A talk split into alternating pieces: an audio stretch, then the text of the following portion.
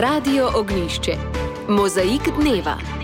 Veliko povemo, tudi z druge strani. V današnji oddaji.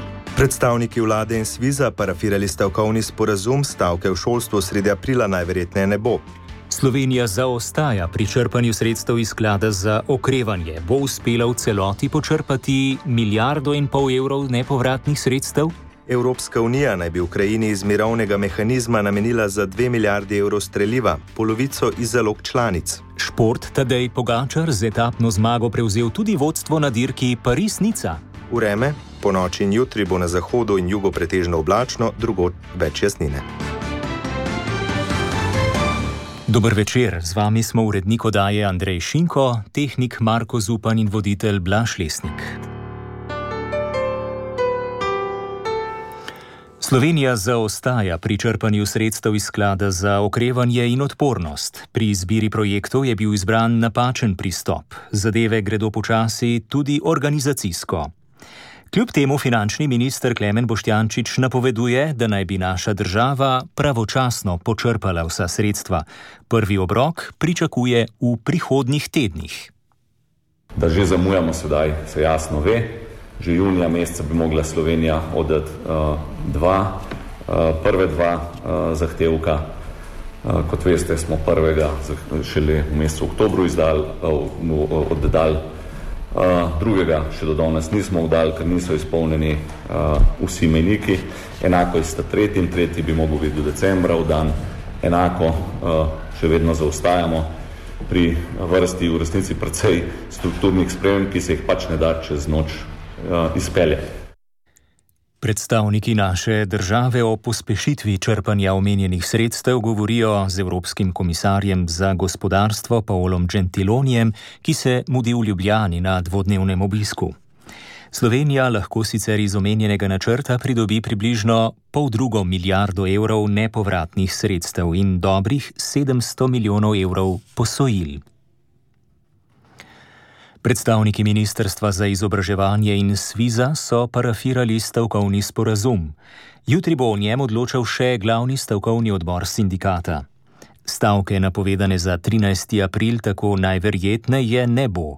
Jutri pa bodo verjetno znane podrobnosti dogovora. Zadovoljstvo z doseženim sta po pogajanjih izrazila tako minister Igor Papič kot glavni tajnik Sviza Branimir Štrukel. Podrobnosti dogovora pa nista želela razkriti.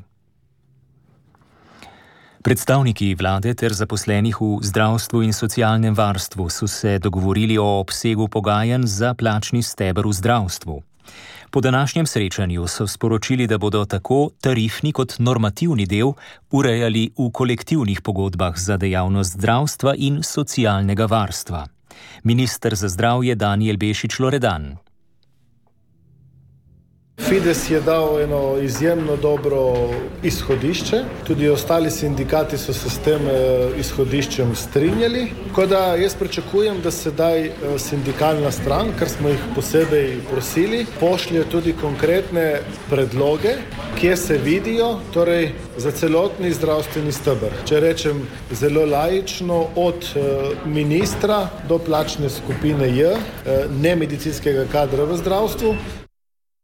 Na naslednjih pogajanjih naj bi tako začeli pogajanja o tarifnem delu plačnega stebra, vodja pogajalske skupine Fidesa Gregor Zemlič koncept eh, si, ki se ga mi predstavljamo, smo danes predstavljali, bil je pozitivno spred. Je pa druga stvar, ki pa je, pa, da pač eh, čas teče, eh, zaveze, ki jih imamo s strani vlade v dveh sporazumih so pa jasne. Ne? Pričakujemo, da se bojo pogajanja intenzivirala, da lahko zaključimo do 1.4.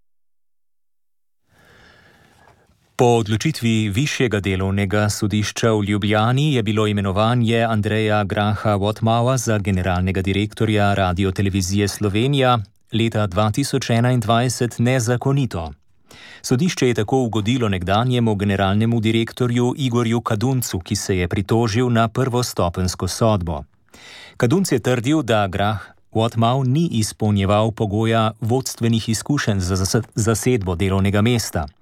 Prvostopensko sodišče je aktualnemu direktorju za zadostne izkušnje priznavalo, da je bil direktor dveh enoosebnih družb ter član in predsednik nadzornega sveta zavoda. Radio Ognišče. Poslušate Mozaik dneva. Mednarodni dan žena nas vabi k razmisleku o vlogi in posebnem poslanstvu, ki ga imajo ženske v svetu in cerkvi.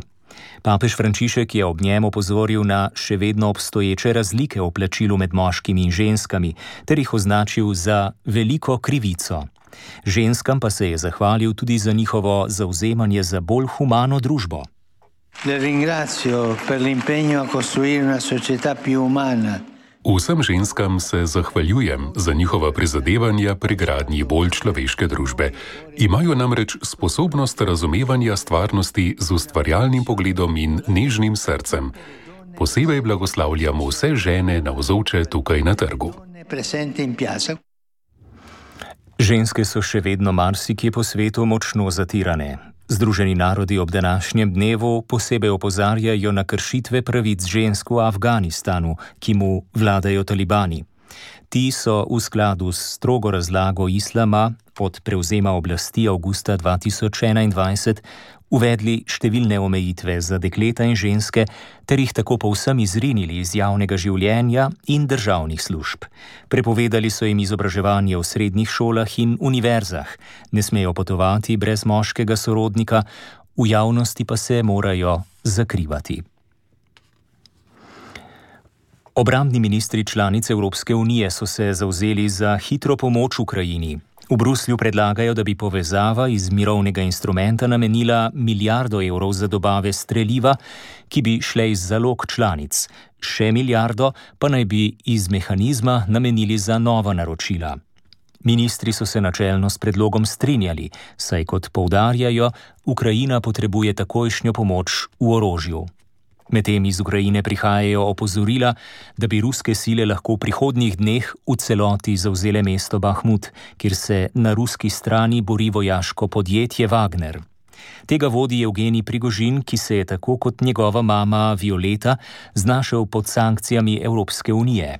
Sodišče Evropske unije je sankcije proti njej danes sicer razveljavilo, kar je prva takšna odločitev od njihove uvedbe.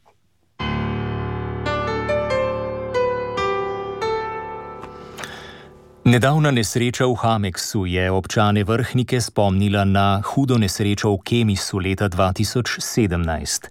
Zato še toliko bolj preseneča, da je Ministrstvo za naravne vire in prostor Kemisu izdalo gradbeno dovoljenje za rekonstrukcijo glavnega objekta. Z županom vrhnike Danielom Cukjatijem se je pogovarjala Marjana Debevec. Gospod župan Daniel Cukjati, kakšen je vaš komentar na to? E, vsekakor e, smo bili presenečeni, da je bila odločitev takšna, kakršna je, in pa presenečeni nad e, samim postopkom ministrstva, ker se v tem integralnem postopku dejansko ne želi opredeliti, ali objekt spada pod objekte pod CVS-o direktivo, kar pomeni, da so objekti večjega ali manjšega tveganja za okoljske nesreče. In to potem, ko se je zgodila okoljska nesreča. Tako da smo bolj kot samo izdajo presenečeni nad tem, da se ne poslužujejo zakonodaje, kjer bi morali dejansko celostno obravnavati tako brat.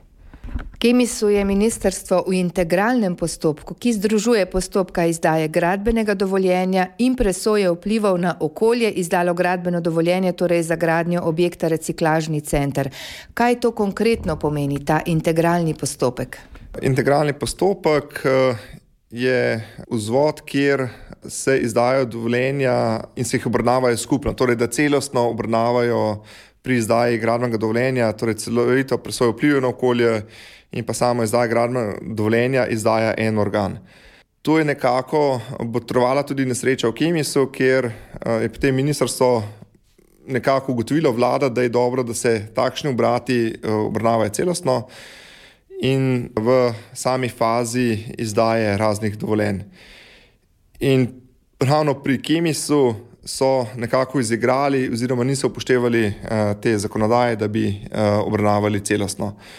Uh, še več, Izgovorili so se, da je v bistvu v pristojnosti samega podjetja, da se opredeli, ali je objekt navaren ali ni.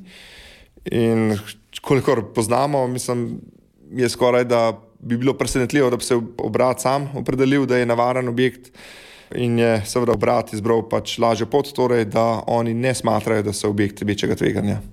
Kot pa vemo, so dovoljenje dobili, torej, ker trdijo, da ne predstavljajo nezakonitega tveganja za okolje, čeprav pa jim v postopku tega ne uspe dokazati. Kako je torej mogoče, da nekdo dobi dovoljenje za gradnjo, če tega ne dokaže? Ravno tukaj je to največje presenečenje, da nekdo izda gradbeno dovoljenje nekemu podjetju, kjer podjetje samo ne more dokazati, da je objekt eh, večjega ali manjšega tveganja, torej da spada pod direktivo SVSO in da tak organ izda gradbeno dovoljenje. Ker ravno eh, na osnovi te direktive, torej da se objekt opredeli, kakšno je možno tveganje in pri kemisu je, ker je prišlo do nesreče, se potem v gradbenem dovoljenju in okoljevarstvenem dovoljenju eh, zapiše zahteve, pod kakšnimi pogoji mora biti grejeno, kakšna mora biti požarna varnost, kakšni mora biti naprimer lovilci olj. In sedaj pa ta objekt ni mogel dokazati, da je, oziroma ni želel dokazati, da je ali da ni objekt. In niti zdaj ne vemo, ali je objekt grejen po standardih, ki bi preprečili takšno nesrečo. Kaj torej zahteva občina? Ja, občina zahteva, da se Ministrstvo za naravne vire in prostor poslužuje celostnega in integralnega postopka, torej da naredi celovito presojo vpliv na okolje in pa da se jasno opredeli ministrstvo, ali objekt spada pod objekte večjega ali manjšega tveganja. Kaj konkretno, kako se bo odzvala torej vaša občina na to odločbo ministrstva? V prvi fazi bomo pač spodbijali izdajo tega gradbenega dovoljenja, ravno iz vidika, da ne more biti gradbeno dovoljenje izdano, če ni narejena celovita presoja vpliv na okolje, oziroma če ni opredeljeno, za kakšen objekt sploh gre. Sicer pa si občina že vse od nesreče, torej leta 2017 naprej prizadeva za umik kemisa iz vrhnike. Kako tečejo ti postopki, zakaj po vašem mnenju niso še do zdaj uspešni? Ti postopki od vsega začetka in pa na osnovi sklepa občinskega sveta gredo v smeri, da bi kemis zapustil občino vrhniko ne samo zaradi te nesreče, ki se je zgodila, vendar zaradi celotne zgodovine, ki smo imeli s Kemisom, ker smo bili vse skozi, takšen imamo občutek, izigrani strani Kemisa in pa tudi nismo dobili nekakšnega varstva strani državnih odgovornih inštitucij. Pa upate, da boste lahko prišli nekoč do nekega zaključka te zgodbe? Jaz upam, da bomo prišli eh, ne samo zaradi Kemisa, ampak tudi zaradi ostalih moče večjih uh, obratov, ki so v Sloveniji, da do takšne uh, nezgode ne bi več prihajalo in pa da bi bili državljani in pa tudi okolje zaščiteni pred kapitalom. Poglejva še eno drugo področje, gospod župan Daniel Cukjati. Zadeva pa predvsem ljudi iz zahodnega dela Slovenije, ki potujejo v Ljubljano, predvsem v poletnem času. Vemo, da je primorska avtocesta močno zasedena, preobremenjena, zato se mnogi poslužujejo stranskih cest in prav cesta skozi vrhniko je pogosto zelo obremenjena. Kako je z gradnjo obvoznice, ki bo razbremenila promet skozi mesto? Ja, trenutno smo v fazi zaključka gradnje južne obvoznice. Tako imenovana južna voznica bo predvsem razbremenila promet v samem centru vrhnike, sicer je ta promet eh, večinoma promet iz občine Borovnica. In pa smo tudi v fazi gradnje tako imenovane severne vozne ceste, ki bo nekoliko razbremenila sam center vrhnika v primeru večjih zastojev na sami avtocesti. Ob sklepu pa še eno vprašanje. Že drugič ste bili izvoljeni, občani so vam zaupali torej mandat županskega mesta. Katere so vaše prioritete?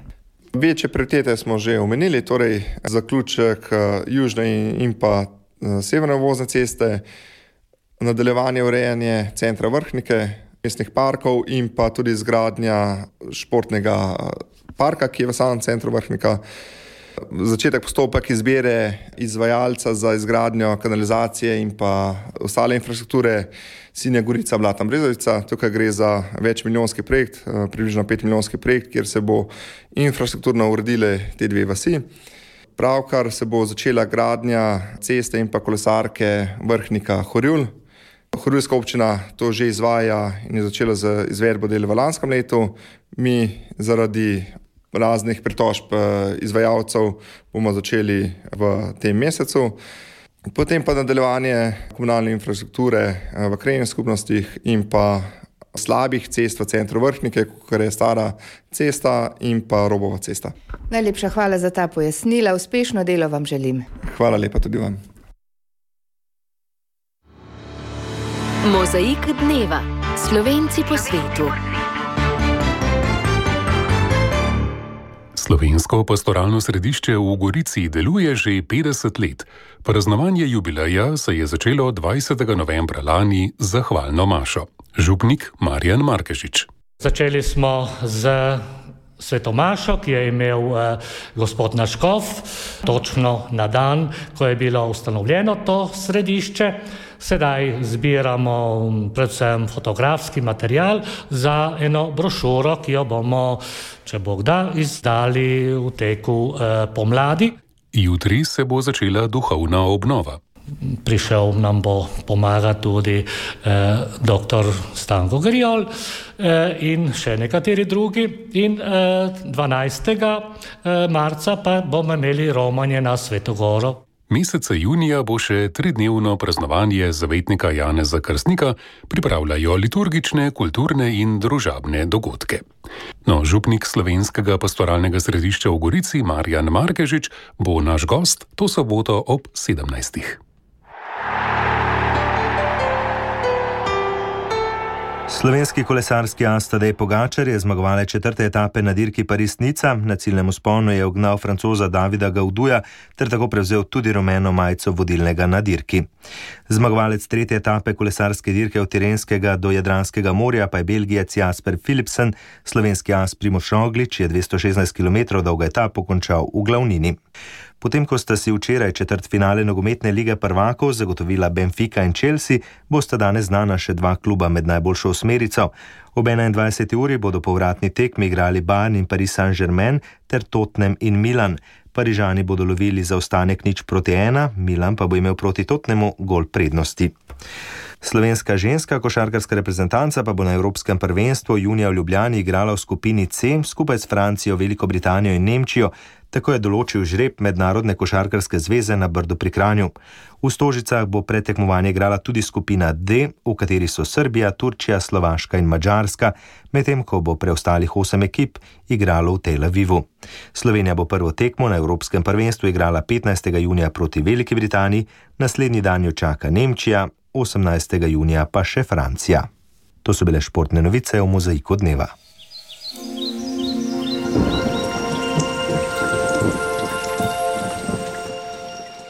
Dodajamo še nekaj besed o vremenu. Po noči bo na zahodu in jugu večinoma oblačno, predvsem v hribovitih krajih bo občasno rahlo deževalo, drugod pa bo delno jasno z občasno povečano oblačnostjo, piha jugozahodni veter.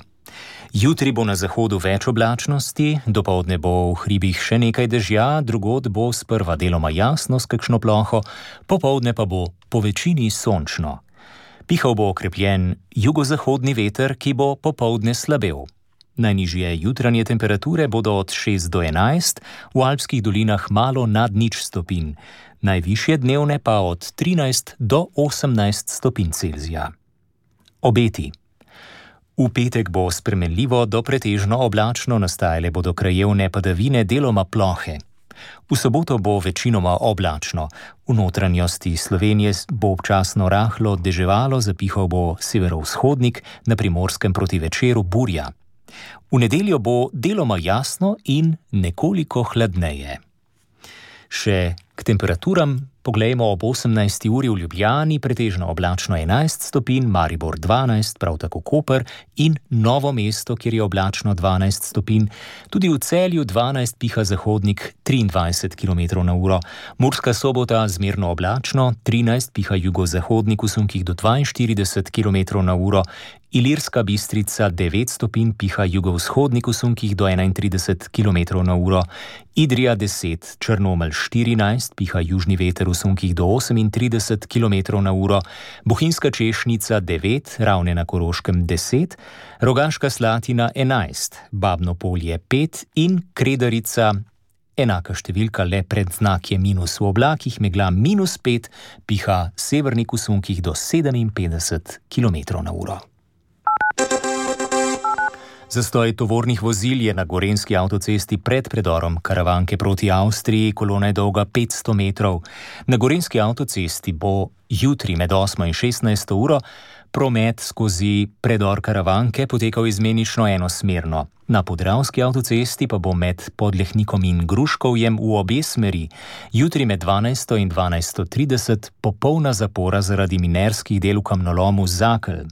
Dolenska avtocesta bo v noči z četrtka na petek med 23 in pol eno po noči zaprta pol ure zaradi postavitve portala med Šmarjem Sapom in Malencami proti Ljubljani, obvoz bo tudi po glavni cesti skozi Škoflico. Poslušali ste oddajo Mozaik dneva. Uredil jo je Andrej Šinko, tehnična izvedba Marko Zupan, bral sem Blaš Lesnik. Ura je 18:21 minut. Oglišče. Veliko povemo, tudi z druge strani.